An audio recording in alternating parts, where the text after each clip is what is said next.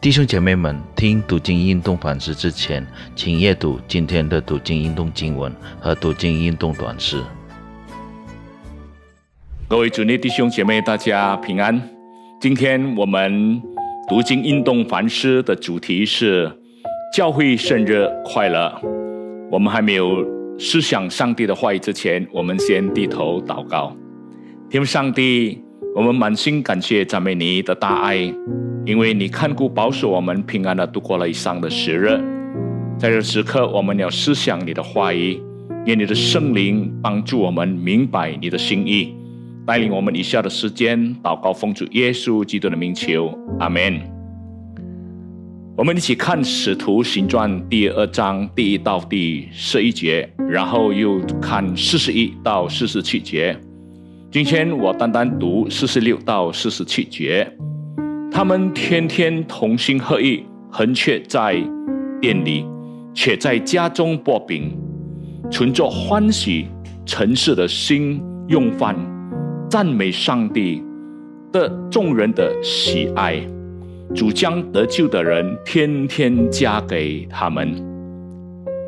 五旬节或者是圣灵降临节，那时时刻开始呢，我们看到基督教会就开始诞生了。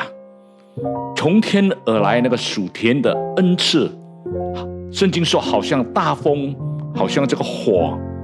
在人当中产生了巨大的一切的改变。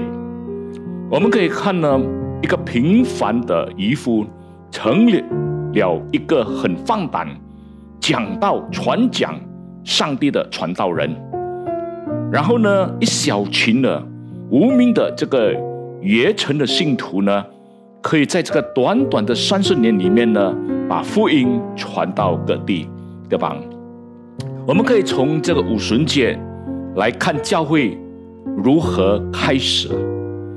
第一呢，圣灵借着耶稣的门徒开始这个工作，这乃是因为从耶稣的门徒的讲道开始的。当时很多人就惊讶，听门徒的讲道，看门徒所行的一些的神迹，而且门徒叫他们要快快的悔改，在四十一节那边。告诉我们，于是他们领受门徒的话，然后受洗。圣经说，门徒越加添了三千个人，这样呢，教会就开始慢慢的发展下去。第二方面呢，他们彼此交结，门徒彼此安慰，彼此勉励，凡物公用。他们天天聚集在圣殿里，彼此相交，好像今天呢，我们的教会就是有团契一样，啊，有少年团契、青年团契、有康利团契、有妇女会，或者我们有家乐团契一样，还有好像我们有康利团契等等。我们在这个团契里面呢，我们可以彼此分享，彼此造就。第三方面呢，我们看到信徒呢，当时呢在一起用饭，那可能用饭的时间呢，他们用来是薄饼的，这是当时呢门徒生活的一些的情况，一个习惯。所以呢，教会呢应该也有这种的现象或者情况，信徒不要单单只顾自己而已，我们应该在主的爱里面，我们也彼此享用上帝所给我们的恩典。我们感谢上帝，在我们每一个的教会里面，我们也能够彼此呃领受上帝的恩典。第四方面呢，圣经告诉我们，他们一起祈祷，这包括呢在家里或者在圣殿里，他们有一个祷告。